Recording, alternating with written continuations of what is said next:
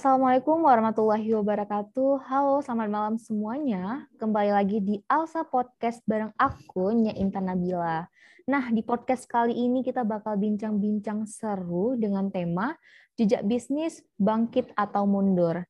Dan nggak mungkin juga dong aku bincang sendiri. Di sini aku bakal bincang-bincang bareng Kak Dina Musliati yang merupakan owner dari Dindin Shop nih. Nah, siapa sih yang nggak kenal dengan Dindin Shop? Apalagi cewek-cewek yang area Banda Aceh itu pasti sering banget nih belanja di Dindin Shop. Yang di mana bajunya keren-keren, kualitasnya bagus, harganya kantong mahasiswa banget. Nah, mungkin kita bisa sapa dulu nih Kak Dinanya, biar kita saling kenal ya. Halo Kak Dina. Halo. Oke. Apa nih? Intan nggak? Oke, oke Intan. Halo Intan. Halo, apa kabarnya Kak? Baik. Oke, baik. Sebelumnya Kak Dina ini lulusan sarjana hukum. Wah, luar biasa banget. Aman. luar biasa banget ya Kak, sarjana hukum bisa berkecimpung nih di dunia entrepreneur. Dan Kak Dina juga mempunyai pencapaian bisnis yang cukup luar biasa, yaitu mempertahankan bisnis fashionnya selama 10 tahun ke belakang. Dan Kak Dina sekarang bekerja sebagai entrepreneur. Gimana nih Kak Dina? Udah siap belum nih kita bincang-bincang serunya malam ini? Udah nggak sabar lagi ya kan, apalagi kita sama-sama satu alma mater kan, gimana bisa yeah. menyatukan hukum dan bisnis ya kan. Waduh, keren banget Kak Dina. Mungkin Kak Dina, kami nih pengen tahu nih pengalaman bisnis Kak Dina udah berapa tahun ya Kak?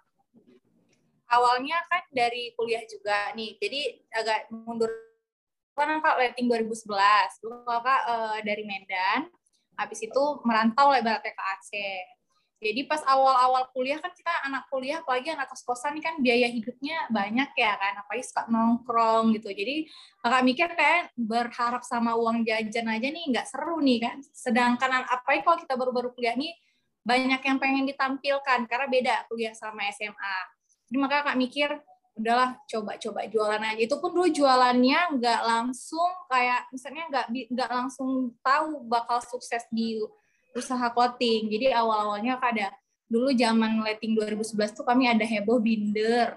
Binder atau bin ya. casing binder tuh. Dari awalnya gitu gitu open PO karena kan nggak ada modal kan. Jadi ya sistemnya dulu kalau zaman letting kami tuh dari kaskus. Jadi kakak betul-betul susah. Kalau sekarang kan enak buka usaha ya kita bisa searching dari Shopee, udah gampang semua dapet. Terus eh, dari Instagram kan, kalau kami dulu namanya. Jadi susah kan nyari-nyari uh, tangan pertama kayak gitu. Cuman pelan-pelan dari binder, casing, BB, pokoknya aneh-aneh lah. Casing BB, sendal Crocs dulu juga sempat heboh kayak gitu. Uh, apa? Enggak nengok responnya kurang lambat. Lam terakhir baru lihat respon yang bagus tuh di baju. Pelan-pelan juga ganti-ganti. Sampai pernah juga jualan buat ini uh, apa kue pie. Itu letting-letting kakak tuh kami 2011 banyak yang jualan tuh. Makanan wow. ada yang risol teman-teman kakak. Itu kayak ratu tuh dia juga dulu zamannya jual pancake.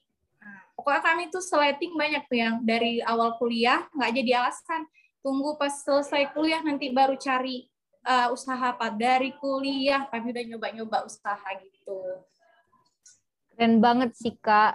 Dari sebelum lulus kuliah udah memikirkan nih uh, bisa dibilang kayak nambah-nambah uang jajan juga kan kak? Ya awalnya isengnya gitu kan nambah uang jajan. Karena kakak sebenarnya cita-cita menjadi notaris. Maksud hmm. maksudnya gini kita kuliah tuh kan beda ya sama sekolah.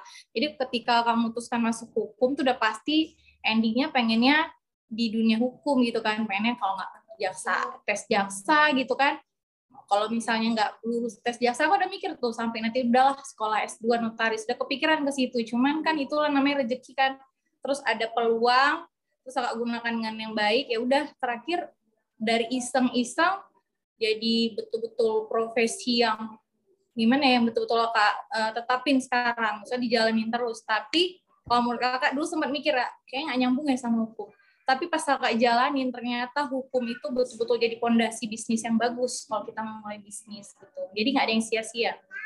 Iya. Kita juga bisa buka bisnis sesuai dengan hukum-hukum Indonesia ya kayak peraturan-peraturan Indonesia. Ya, banyak. Soalnya uh, kakak apa pas ngambil skripsi kalau nggak salah berurusan sama perlindungan konsumen. Jadi kalau ketika kita usaha tuh kita juga lihat kira-kira uh, apa usaha kita tuh berpihak sama konsumen nggak? Jangan kita sebagai pengusaha egois untuk apa ya? Untuk semata-mata keuntungan kita juga kita harus lihat dari segi konsumen, terus menggaji karyawan sesuaikah, terus uh, apa? Uh, belai kan kita ada hukum pajak ya. Situ juga kepake sekarang gimana cara kita ngitung pajak. Jadi menurut kakak bermanfaat kali basic hukum ini untuk kita jadi entrepreneur. Pokoknya berguna lah kak, nggak sia-sia juga kuliah di ya, hukum dan jadi nggak ada yang sia-sia. Oke kak, uh, kami mau tahu dong kak, uh, kakak ini berasal dari background keluarga pembisnis atau enggak sih kak? Uh, kakak, ayah kakak uh, polisi, mama kakak PNS juga uh, apa bidan.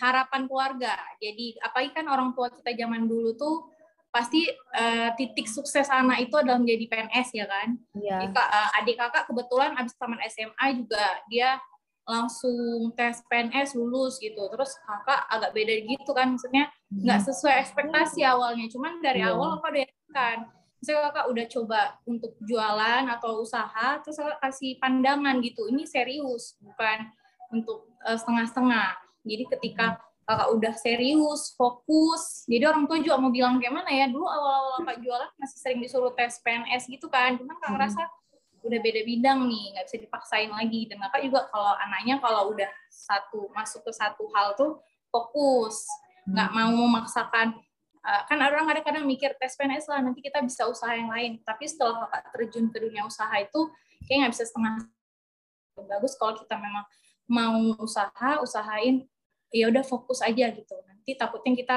udah masuk PNS juga di PNS-nya setengah-setengah ambil gaji biasanya kan gitu. Takutnya kalau kakak jadi nggak optimal ini kita fokus aja insya Allah ada jalannya kalau kita percaya sama konsisten kayak bilang itu karena kalau kakak lihat banyak dulu letting-letting kakak kan buka usaha bareng ada yang nggak bertahan nggak berkembang itu karena dia nggak konsisten. Kakak kalau udah satu misalnya jualan baju pun gitu kan. Saya lihat uh, awal-awalnya apa yang booming misalnya bajunya lagi down kakak lihat apa nih yang hal lain yang bisa kakak jualin gitu pokoknya pinter-pinter lihat pasar gitu penting supaya bisa bertahan tadi inovasi juga kayak gitu berarti kuncinya tuh fokus dan yakin ya kak ya Ya, konsisten juga. Konsisten. Jadi kalau ya. kita ada fokus, udah yakin pasti insya Allah tuh bakal berjalan lancar ya dengan usaha-usaha kita nah. juga ya kak. Kami mau penting kayak kayak dibilang kan kayak Raffi Ahmad bilang mau capek itu betul. Memang harus capek karena pas kakak kuliah itu uh, betul-betul kak dari kuliah udah jualan tuh dari bawa bar, apa barang-barang jualan tuh di motor gitu kak bawa ke kampus betul-betul. Nggak tahu bilang nggak tahu malu juga bisa dibilang. Karena pas zaman kakak dulu tuh masih jarang anak kuliah jualan dan kakak jualan di situ. Tapi hasil akhirnya kan nikmati setelah wisuda nggak bingung uh, apa mau jadi apa atau yang mana udah tinggal lanjutin tek tek pokoknya udah enak karena kalau misalnya usaha itu yang susah tuh nyari nama gitu orang kadang mikir buka usaha udah boom kayak gitu nggak dipikir kita gimana caranya gimana ya buat nama tuh susah tuh branding iya. branding tuh susah dan alhamdulillah karena kakak mulai dari awal jadi pas selesai kuliah udah ada branding orang pun belanja karena udah ada nama tadi gitu. Walaupun nggak terkenal terkenal aja tapi setidaknya nggak asing jadi orang oh udah sini aja sini aja gitu di shop eh bangun branding tuh penting kalau kita usaha Berarti branding tuh emang berpengaruh besar lah kak di dunia perbisnisan lah ya gitu. Yeah. Oke kak, mungkin kami mau bertanya lagi nih boleh ya kak ya? Boleh nggak apa-apa, sampai malam pun nggak, tengah malam pun nggak apa-apa. nah kita kan uh, temanya nih bincang-bincang seru lah ya kak. Iya. Oke, uh, untuk riwayat pendidikan uh, berhubungan dengan bisnis yang tadi Intan udah dengar ya di awal kakak juga udah bilang emang uh, hukum tuh ya masuk ke ranah mana aja ya kan ke bisnis yeah. juga masuk ke ke apa ya ke kantor juga masuk ya gitu-gitu lah ya. pokoknya. Uh, menurut kakak itu emang berpengaruh nggak kak di dunia perbisnisan untuk uh, pendidikan kakak? Ngaruh kali apalagi kan bisa gini bisnis itu nggak nggak bakal jauh misalnya kayak gini ya banyak kali kejadian yang berhubungan dengan hukum kalau dulu pas zaman kakak ekspor impor bangkok zaman uh, corona kan uh, bebas nih belanja ke Bako. Di situ pajak. Jadi kayak kami tuh harus bayar pajak importir apa ekspor ya? Eh dari luar ya, uh, pajak eh impor. Jadi impor. harus bayar pajak impor, ngitung pajak itu kan kita sendiri ngitung tuh. Bayar, karena kalau nggak bayar pajak pasti kena kan. Karena yeah. itu apalagi barang dari luar negeri. Di situ kan masih oh berfungsi ya ini yang maksudnya hukum pajak itu kita ngitung-ngitung pajak. Habis itu yang paling sering tuh gini karena kayak mana ya, ini kan usahanya nggak jauh-jauh jauh-jauh dari uang. Terus kan ibaratnya ada berapa kali kejadian misalnya kayak karyawan kayak jadi atau misalnya penipuan penipuan bukti transfer palsu itu kan so kita diajarin ya itu hukumannya apa kayak gitu. Jadi kalau misalnya kalau kamu coba keran hukum kamu udah tahu dasar-dasarnya. Nggak meraba gitu. Padahal kalau kita tahu kalau misalnya kantor polisi kalau kita juga misalnya lemah ilmu tuh mungkin kita nggak dipeduliin ya gitu. Tapi kalau kita tahu landasan-landasan oh nih dia bisa nih. Polisi pun nggak bisa main-main sama kita gitu. Kayak kakak dulu kan saya ada karyawan yang uh, apa misalnya yang maling kayak gitu. Kakak upgrade juga hukum tuh kalau misalnya kakak kuliah hukum kan nggak akan tahu. Ternyata sekarang nih kalau nggak salah pencurian ya. Harus minimal dua juta setengah kan. Sedangkan yeah. dulu di KPP kan di bawah dua juta setengah bisa kalau uh, kita laporkan. Jadi lah kalau misalnya mau melaporkan orang yang uh, apa yang ada buat maling atau mengambil hak itu kak lihat dulu kumpulin dulu barang buktinya nyampe nggak? Segitu. Kalau udah nyampe segitu baru uh, laporin gitu.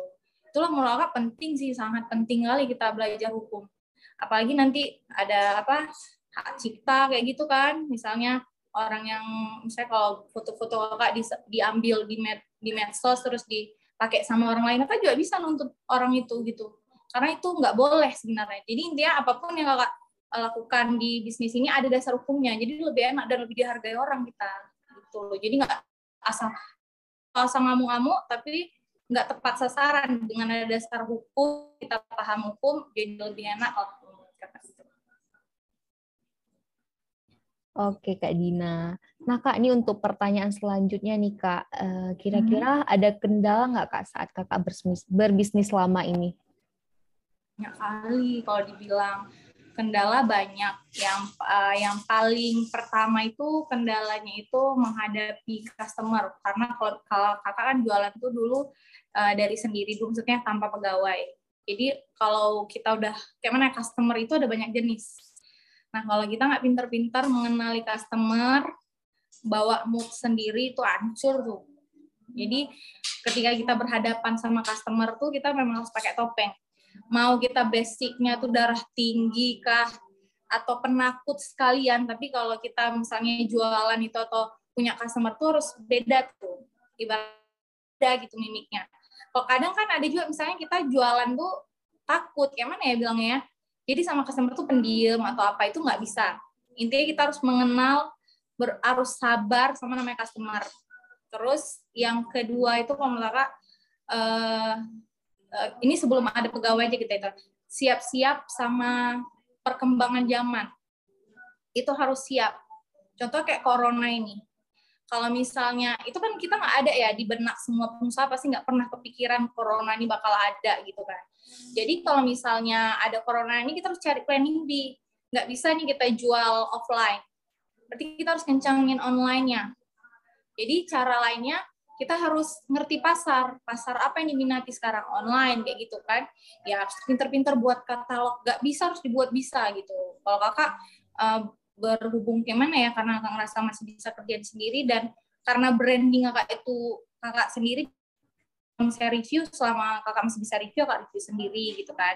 Cuman kalau udah brand besar sih lebih bagus pakai model atau fotografer handal. Cuman kalau kakak karena pasarnya masih memang nggak ngejar sampai luar Aceh masih fokus di Banda apa Aceh walaupun ada juga yang luar jadi kakak benar-benar ngikutin konsumen kakak yang di Aceh nih. Mereka suka gimana cara kakak review itu lo tadi. Jadi kak online-nya kakak ikutin mau mereka gimana. Uh, abis itu kendalanya yang lain tuh paling susah itu malah kak terakhir setelah kita punya karyawan ya karyawan gimana kita mengelola suatu perusahaan itu karyawan gimana cara yang mengelolanya kadang kita mikir gini karyawan kita bertingkah atau gimana coba pikir berarti kita sebagai atasan udah benar nggak? Dulu kak mikir kan, kok aneh-aneh nih karyawan tuh kayak berarti kakak mungkin kurang kurang komunikasi sama mereka kayak gitu. Makanya kak tiap tahun belajar gitu gimana caranya nyari karyawan yang bagus. Walaupun terakhir kebobolan juga. Cuman ibaratnya uh, kita pelajarin setiap kendala, pokoknya setiap kendala itu harus kita ambil hikmahnya. Terus uh, gimana ya? Habis itu kita harus melakukan inovasi. Yang ke itu yang ketiga ya tadi berarti konsumen. Habis itu uh, yang kedua tadi apa ya? Pokoknya konsumen, kendalanya habis itu perkembangan zaman, terus karyawan, terus yang terakhir ini untung rugi. Rugi itu pokoknya harus harus siap sama rugi lah kerugian. Karena kalau misalnya dulu kakak pas zaman ke Bangkok di umur berapa itu ya? Bisa dibilang belum 25 tahun nggak pernah ngalamin kerugian ratusan juta tuh. Karena uh, ekspor impor tuh dari Bangkok sempat ada masalah bea cukai kayak gitu. Ya cuman pas ada masalah tuh gimana caranya biar bangkit lagi? Jangan cepet down. Karena kalau udah kalau lagi jatuh ya udah tetap aja terus move on. Nggak pernah kak kalau misalnya lagi jatuh udah nggak mau mulai kak terus sampai titik darah penghabisan. Alhamdulillah setiap dengan kakak uh, maju terus maju terus dikasih jalan terus. Nggak pernah mundur. Karena menurut kalau udah kita udah mulai usaha tuh jangan mundur. Kalau memang suka di bidangnya ya sekali kita mundur udah habis. Susah memulainya lagi. Jadi kakak nggak mesti sia ini tuh karena kalau kakak udah bangun branding di niche ini sampai kapan pun kakak nggak akan mundur ya gitu. Mau kayak mana pun kondisinya gitu Iya kak. Tadi Intan ada juga nangkap nih kak yang kakak bilang tentang minat pasar ya. Jadi Intan pengen tahu nih cara kakak uh, ngertiin minat pasar di masa pandemi ini. Apalagi kan ini online kan. Apalagi yeah. kita harus ngertiin kayak fashion-fashion uh, wanita yang lagi di masa pandemi ini gimana. Itu menurut kakak ah. cara nyam untuk sampai ke minat pasar yang di masa pandemi itu gimana ya kak? Nah ini yang sering uh, menurut kakak pengusaha tuh sering mengabaikan. Jadi kalau kita usaha itu yang paling penting itu men market. Target marketnya dikejar siapa? Ini kayak kakak kan awalnya dulu barang impor itu harga rate harga barangnya itu 100 ribu sampai 250. Paling murah itu 110 pas kakak main barang impor. Terus kena corona kan nggak bisa ke Bangkok nih ada juga main barang lokal cuman dulu barang lokal belum terlalu ini karena uh, lebih kenceng barang impornya. Cuman pas barang uh, waktu corona ini kan ada pilihan. Gimana nggak mutar otak orang lagi? Nggak ada duit? Apa maksudnya terbatasi nih nggak keluar ke mana-mana? Jadi cara lainnya udah kalau betul-betul banting harga main ke barang lokal. Maksudnya menyampingkan ego misalnya harus barang impor barang impor. Oh nggak bisa. Kita harus lihat pasar pasar lagi nggak sanggup nih barang impor. Udah main barang lokal. Walaupun ibaratnya uh, beda selera lah awalnya kan. Habis itu uh, kakak kejar harganya di bawah 100 ribu. Itu alhamdulillah bisa bertahan. Habis itu karena kak lihat pasarnya, oh ternyata banyak yang maksudnya tetap orang suka, nggak mesti barang impor orang suka, yang penting kualitasnya bagus. Makanya kakak akhirnya memutuskan untuk produksi barang sendiri. Jadi cari konveksi di Jawa, itu sekali produksi itu harus ratusan piece kan. Cuman kakak lihat kalau kita udah produksi sendiri, material bisa kita pilih yang bagus, model juga bisa kita tentuin, terus harga juga akan bisa lebih main aman. Nah, setelah kakak main lokal, produksi barang sendiri, alhamdulillah juga dua tahun terakhir nih malah bisa dibilang usaha kakak naik berkali lipat tuh di zaman corona. Yang menurut kakak faktor yang paling ngaruh tuh apa? Orang Aceh biasanya kan suka buang uang keluar. Contoh ke KL, ke Medan, Jakarta sekarang udah nggak bisa. Jadi di mana menghamburkan uang di kota sendiri? Maka hmm. kak sebenarnya aku efek corona ini bagus untuk kita yang di daerah kita ini sendiri. Karena orang Aceh nggak banyak banyak uang betul. Kakak jualan di Medan pernah nyoba buka cabang di Medan itu nggak lama. Beda memfil masuk dia suka belanja banyak-banyak gitu. Udah nggak nawar memang beda kok. Soalnya jualan di Aceh nih gila Makanya yeah. kalau corona ini kadang jadi orang Aceh itu yang dulu suka ke KL ke mana aja nggak ada pilihan udah di Aceh aja. Ih, saya kayak bilang alhamdulillah pas corona ini toko juga naik pesat omsetnya online juga gitu ya. Cuman kakak kalau untuk Shopee untuk sekarang ini belum belum bisa mulai karena untuk yang di toko aja stoknya nggak memadai. Cuman itu Shopee pun harus kakak mulai gitu. Cuman setelah kantornya kak perbesar tuh Berarti emang berdampak uh, baik lah kak ya. Itu berarti pandai-pandai kitanya ya kak di masa iya, pandemi ya, itu. Uh, harus nentuin target marketnya. Siapa kalau misalnya kak memang nyarinya targetnya memang anak-anak kayak mana ya? Bukan maksudnya memang orang. Aduh. Oke.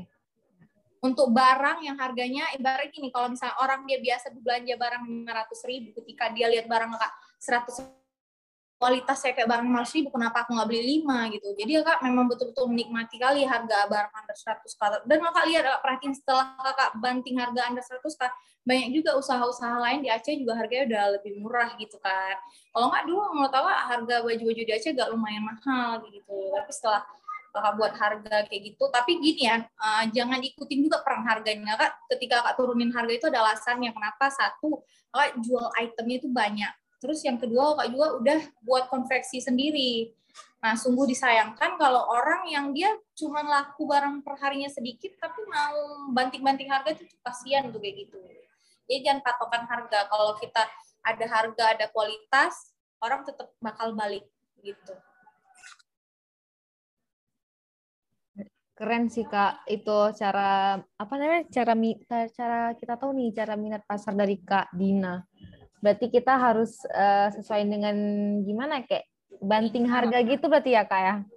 Ya enggak juga sih. Maksudnya kak bilang ya lihat kondisi keadaan. Oh, karena iya. kan kita nggak bisa egois gitu. Hmm kalau dipaksakan harga mahal-mahal kali kalau menurut kakak karena target market tadi itu target market kakak memang yang ibaratnya menengah ke bawah kalaupun memang ada di menengah ke atas pun dia nggak akan kecewa karena kualitasnya bagus. Jadi menurut kakak memang paling penting itu menentukan target market. Jangan dipaksakan ya gitu target kalau memang target marketnya sultan ya udah kualitasnya harus benar-benar yang bagus. Jadi ketika yang mereka jual barang mahal juga mereka nggak kecewa. Tapi menurut kakak kalau yang paling banyak belanja itu ya memang gimana ya yang biasa-biasa aja nggak terlalu hedon hedon gitu customer kakak itu belanja itu royal royal kali gitu. Jadi kak tar cari target marketnya tuh mereka gitu. Anak-anak kuliah nah kuliah tuh karena aku juga pernah kuliah ih baju tuh kalau bisa tiap hari ganti-ganti jadi iya. kak mengerti harga itu juga kak harga anak kuliah gitu. Memang target kakak jualan dari kuliah tadi gitu. Memang paling rajin belanja anak kuliah. Sekarang anak SMA sekarang juga oh udah fashionnya kan. Karena kan gini walaupun corona nih ya orang nggak keluar rumah tapi konten jalan. Tiktokan kan foto di foto fits IG walaupun dia di rumah baju dia ganti-ganti terus. Makanya fashion itu juga jadi daya tarik sekarang apalagi kayak kuliah tuh kan nggak ada seragam ya kayak ya. jadi pengen ya. tuh sehari baju ini besoknya baju ini usah baju ini gitu Kan pas anak kuliah lagi online kayak gini kan ada susah juga ya. Bayang sih ya kalau anak kuliah udah mulai kuliah, gimana nih kan toko kan. Makanya kalau lagi upgrade lagi. Jadi kalau udah offline udah bisa anak kuliah belanja. iya betul tuh kak. Apalagi kayak kami nih, kami kan kuliah juga nih. Pengen padahal kan ke offline tuh ganti gonta-ganti baju, fashionnya ini ya. itu gitu kan. Oke Kak Dina, kita lanjut ke pertanyaan selanjutnya ya Kak ya uh, pengalaman paling berkesan dalam bisnis apa menurut kakak? Pengalaman baiknya atau pengalaman buruknya nih? Mungkin bisa dari pengalaman baiknya dulu deh kak. Pengalaman baiknya tuh uh, yang paling awal tuh apa ya bisa gimana ya bisa nabung ibaratnya. Ini gimana ya usaha kak ini di luar ekspektasi. Karena dulu awalnya kak juga mikir ini jualan baju cuma di karena kan kak jualannya dari rumah ya dari di rumah. Benar jadi kak mikir bakal jadi semacam ibu rumah tangga yang hobinya jualan baju. Bakal kayak gitu aja nggak mikir akan punya toko kayak gitu nggak pikir ke situ. Cuman setelah kak lihat kan uh, dengan kakak mulai usaha ini banyak hal-hal yang dulu cuma kakak mimpiin jadi ya udah jadi bisa ya udah bisa kakak dapetin kayak gitu. Apalagi kalau sekarang alhamdulillah kan uh, kayak mana ya? Dari gimana ya lebih dari yang kakak mimpikan. Pencapaian kakak sekarang saya bilang pokoknya dulu uh, dulu dulu kan kakak naik motor tuh kan pas kuliah. Ibaratnya pas kakak wisuda aja kakak mikir gini uh, cuman itulah penting yang ngomong yang bagus-bagus. Kakak orangnya uh, suka kayak mana ya? Uh, positive thinking lah gitu. Maksudnya agak ambisius orangnya. Terus kakak mikir pas kuliah naik motor tuh kan uh, naik motor terus kakak mikir ini kalau wisuda nanti nggak naik mobil kayak makeup tuh bakal hancur gitu kan mikir. Dengan naik kebaya ini wisudanya harus punya mobil. Cuman gitu ya ngomong tuh. Jadi kok selama kuliah tuh usaha jualan-jualan akhirnya kebeli lah mobil kayak gitu. Berarti uh, banyak hal yang bisa kakak dapetin setelah usaha terus uh, bisa buka lapangan pekerjaan gitu kan. Habis itu bisa banyak bantu keluarga juga. Itu pengalaman pengalaman ter mau ke mana juga kan. Kalau dulu pas kuliah eh pas SMA dulu kami di Medan tuh dari S, eh, SMP jadi suka ada study tour. SMA ada study tour juga gitu kan ke Bali kayak gitu. Oh nggak pernah ikut kayak gitu. Karena nggak dikasih. Kan orang tua aja mikir kakak tuh empat bersaudara. Jadi orang tua PNS kan pasti mikirnya nggak bisa nih boros. Supaya kan masih sekolah kan pasti orang tua kak bakal mikirkan untuk biaya kuliah kami nanti mungkin biaya nikah pasti orang tua juga simpan gitu kan. Cuman karena kakak uh, dididik sama orang tua apa pun yang mau kami beli itu kami harus nabung. Hmm. untuk HP aja kakak harus nabung. Jadi setelah kakak usaha bila betul-betul nggak tahu bilang ya karena orang tua biasain kayak gitu kakak nggak cepet puas. Jadi oh. kalau misalnya kak mau beli sesuatu tuh harus oh genjot gitu apa nih kayak mana usahanya apa gitu. Itu pengalaman terbaik kakak betul-betul. Jadi gimana ya uh, apa yang kak mau alhamdulillah sekarang bisa kak dapetin. Itu pengalaman terbaiknya. Pengalaman terburuknya menghadapi konsumen. Hadapin konsumen. itu konsumen nggak tau bilang lah kalau nggak kuat mental hancur deh kakak bilang karena kakak bisa dibilang dulu dimaki sama konsumen tuh nggak tau bilang. Kalau misalnya orang nggak kuat mental bisa bilang besoknya nggak mau jualan lagi. Atau ya udah dia serahkan sama karyawannya semua gitu. Kakak karena pengalaman kakak dulu toko sendiri jadi kakak ngerasa kayak gitu. Nanti baju apa baju misalnya nggak boleh ditukar kakak ada buat peraturan dilarang ditukar gitu. Karena takutnya nanti baju yang udah dipakai tuh rusak atau dia udah pakai sebelumnya tiba-tiba dia kembalikan kayak gitu kan rupanya udah pernah dipakai apa menghindari itu. Jadi ya kak buat uh, peraturan barang yang udah dibeli dilarang ditukar kecuali memang ada kerusakan ya kayak gitu. Jadi ya kak banyak kali dulu tuh gara-gara masalah dilarang ditukar itu itu dimaki-maki tuh sama customer. Ada yang katain miskin lah saya belum bong kayak gitu. Habis itu ada yang pernah bilang oh semoga bangkrut. Itu sampai sekarang kak ingat orang yang semoga bangkrut. Tapi kalau kak lihat dia sekarang maksudnya bukan sombong ya cuma maksudnya doa dia itu tadi mungkin ke dia sendiri kayak gitu. Iya. kan nangis tuh dibilang kayak gitu karena kok kayak gitu. Cuman kalau sama konsumen ini kita nggak boleh nggak boleh kayak mana ya nggak bisa marah juga. Paling kita minta maaf minta maaf aja gitu. Maki-makian konsumen lah kak paling nggak tahan. Ibaratnya kalaupun pengalaman buruk kakak sama karyawan itu udahlah di dalam. Tapi kalau sama konsumen kakak agak sensitif sedikit. Ibaratnya kayak mana ya konsumen itu prinsip kakak tuh konsumen itu adalah bos jadi ibaratnya kayak dimarahin bos kalau dimarahin konsumen itu. Jadi sakitnya nggak tuh bilang.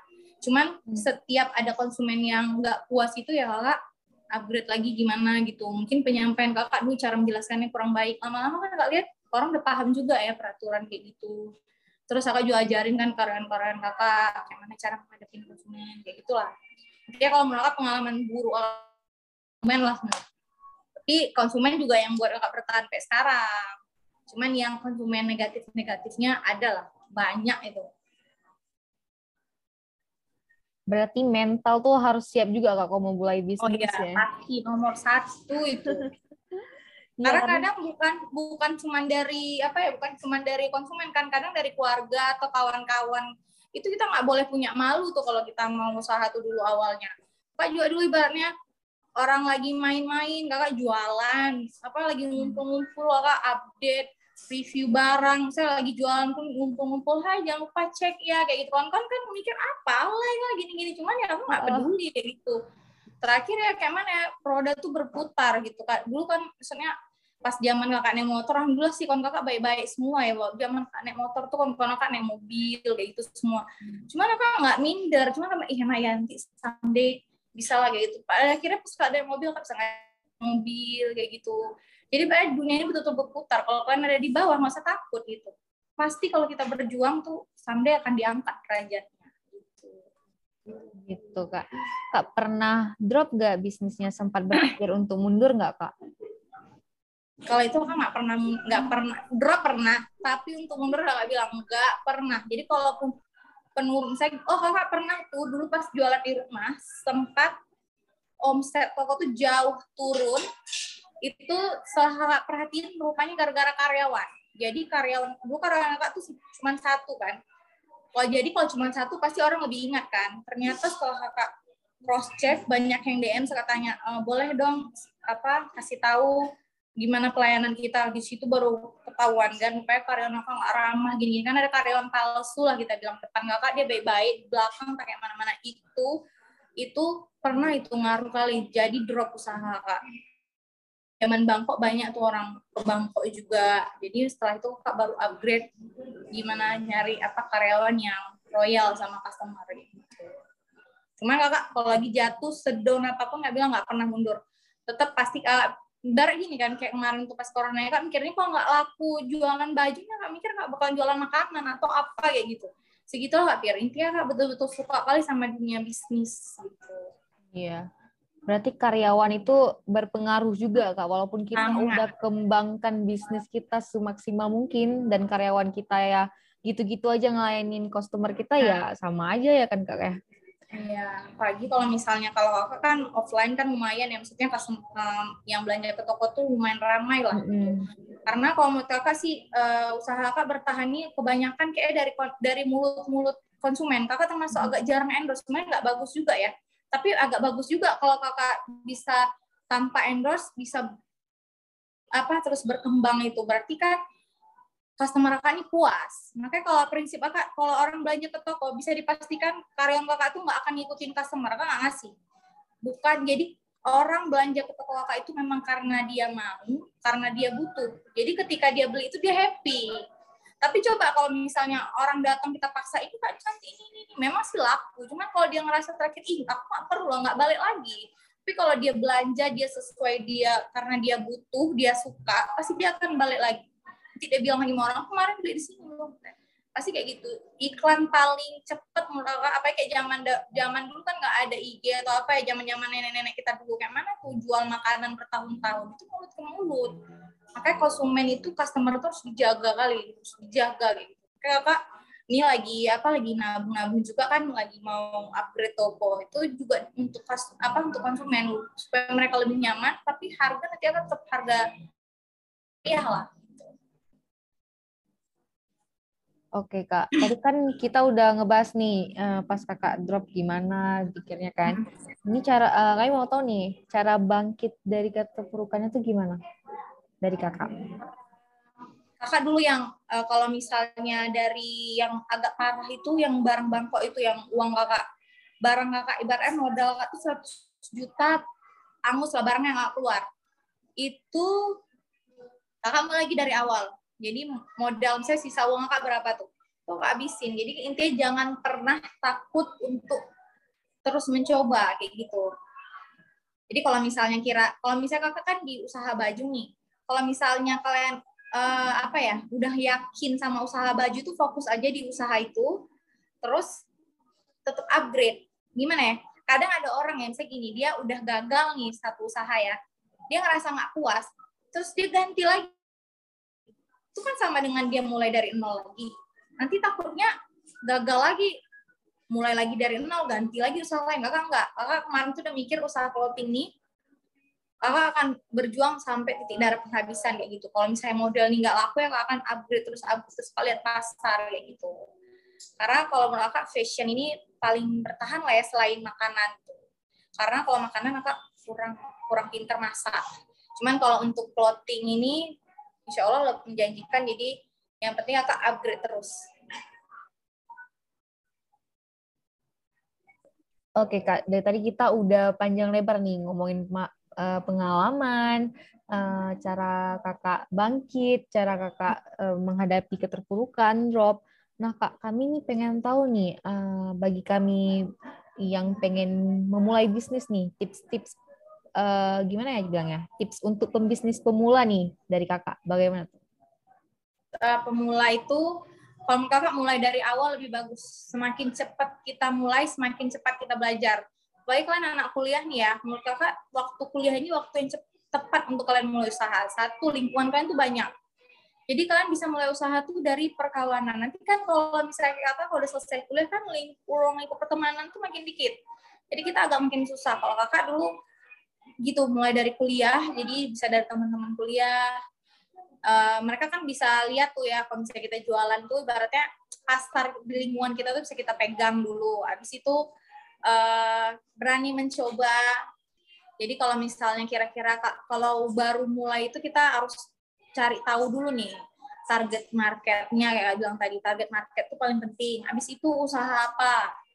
Kalau kakak, kalau misalnya gini, kalau kita bilang nggak usaha ke baju, kita prinsip usaha itu, pembisnis itu lihat apa yang orang komplain. Itu uh, timbul karena komplain diri kakak sendiri sebenarnya. Kakak nyampe ke Aceh, baju di Aceh ini mahal gitu. Menurut kakak mahal gitu kok bisa mahal ya gitu hmm, padahal bisa nih dijual uh, bisa nih dapat harga lebih murah terus kawan-kawan kakak juga gitu kayak mahal kayak kakak ikut ke pasar Aceh gitu. Kakak mahal. Jadi dari situ kakak mikir gimana caranya bisa jual barang lebih murah dari harga uh, harga yang di pasaran itu bukan maksudnya termurah kita jadi untungnya nggak bisa untuk bertahan hidup ya. Cuma maksudnya kayaknya kan rate-nya gimana kak bilangnya uh, ngambil keuntungan sewajarnya bisa untuk anak kuliahan tadi itu. Makanya kakak karena berawal dari keluhan harga-harga yang mahal itu makanya kakak jadi jualan baju gitu. Jadi kalian juga pinter-pinter lihat uh, peluang di lingkungan. Kalau misalnya anak kuliah, uh, kakak lihat kemarin tuh ada anak kampus mana dia buka usaha print online kayak gitu. Jadi pasti usaha itu akan ada dulu masalahnya keluhannya apa. Kayak sekarang uh, apa home service apa yang cleaning service yang ke rumah kayak gitu, spa ke rumah. Pokoknya yang yang dia service-service langsung itu ke apa ya ya pokoknya kayak home service itu banyak diminati. Sekarang dunia apa konten kreator juga kan udah banyak yang diminati. Inti pinter-pinter lihat peluang. Selain tadi mulailah lebih awal, pinter-pinter lihat peluang, terus konsisten, terus mental baja, uh, terus mau capek uh, ibadah ibadah itu juga pasti ya. Terus uh, kalau misalnya kak bilang uh, ini nggak usah dengar gimana ya kak bilang nggak usah dengar kata orang. Intinya gini kemampuan kal kalian itu kita sendiri yang tahu. Kemampuan diri kita kita sendiri yang tahu. Orang yang meragukan kita nggak uh, usah didengar loh. Yang penting tugas kita adalah melakukan uh, semuanya itu dengan maksimal karena semakin muda itu tadi tenaga kalian masih banyak ya, waktu juga masih banyak. Jadi kalau menurut kakak poinnya balik lagi ke paling awal, mulailah lebih awal. Banyak kan? Yang mana tuh nyatanya?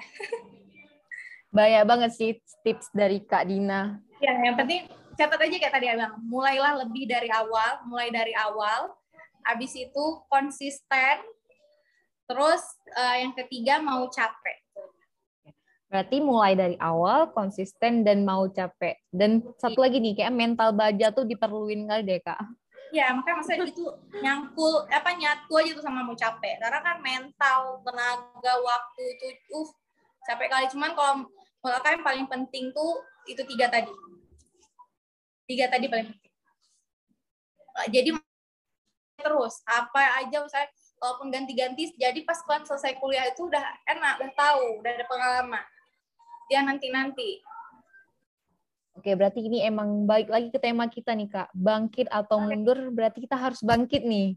Iya, bangkit dong. Mantap. Lagi anak hukum ya, menurut kakak kalau yang kuliah di hukum, itu mentalnya pasti udah lebih bagus kayak gitu. Jadi jangan sia-sia kita udah kuliah di hukum, ilmunya juga banyak luas kalau nggak bisa diterapin sayang Iya bener banget sih kak. Nah kak, ini untuk pertanyaan terakhir nih. Oke. Okay. Oke, okay, strategi marketing yang baik di saat pesaing usaha di bidang yang sama sudah banyak. Itu strategi yang kakak terapin tuh gimana?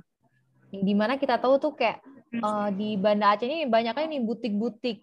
Apalagi kan yeah. dekat-dekat nih tempatnya kayak di satu tempat di Lampineng itu ada sampai eh, uh, 10 tempat gitu. Yeah. Itu kayak gimana ngatur strateginya? Uh, fokus sama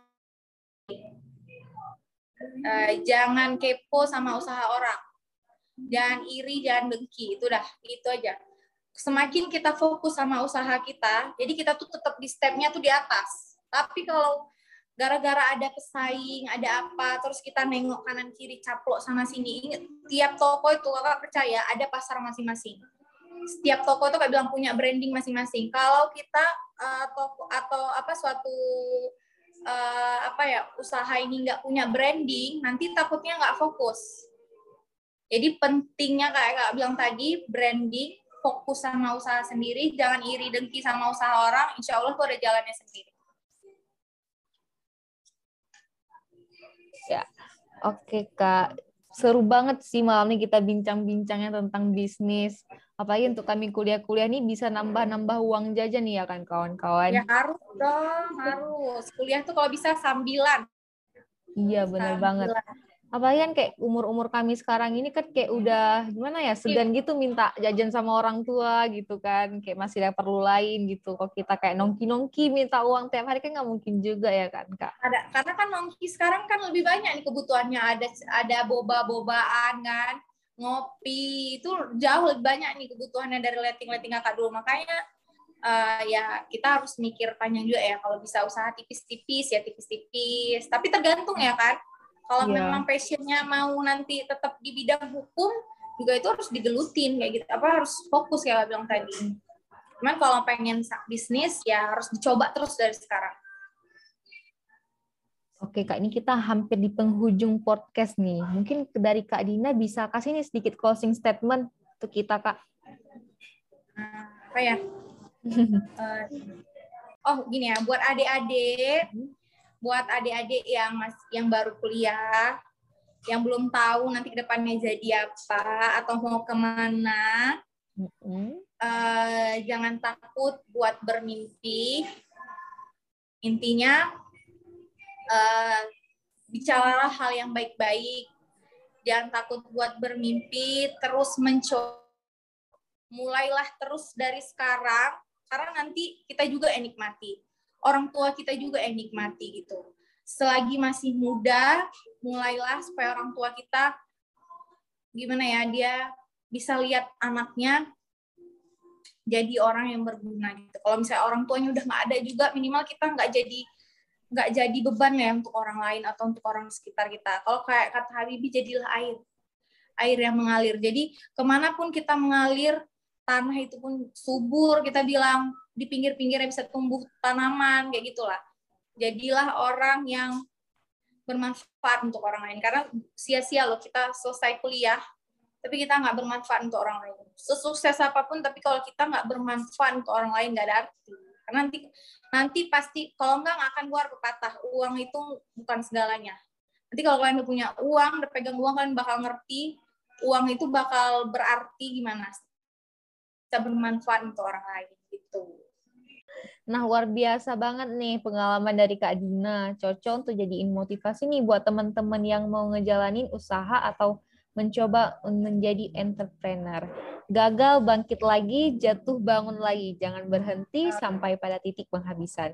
Karena pelaut hebat tidak lahir dari, dari laut yang tenang. Terima kasih Kak Dina waktunya untuk sharing-sharing malam ini. Sampai jumpa di podcast funding selanjutnya. Bye-bye Kak Dina. Bye. Alsa, always be one. okay.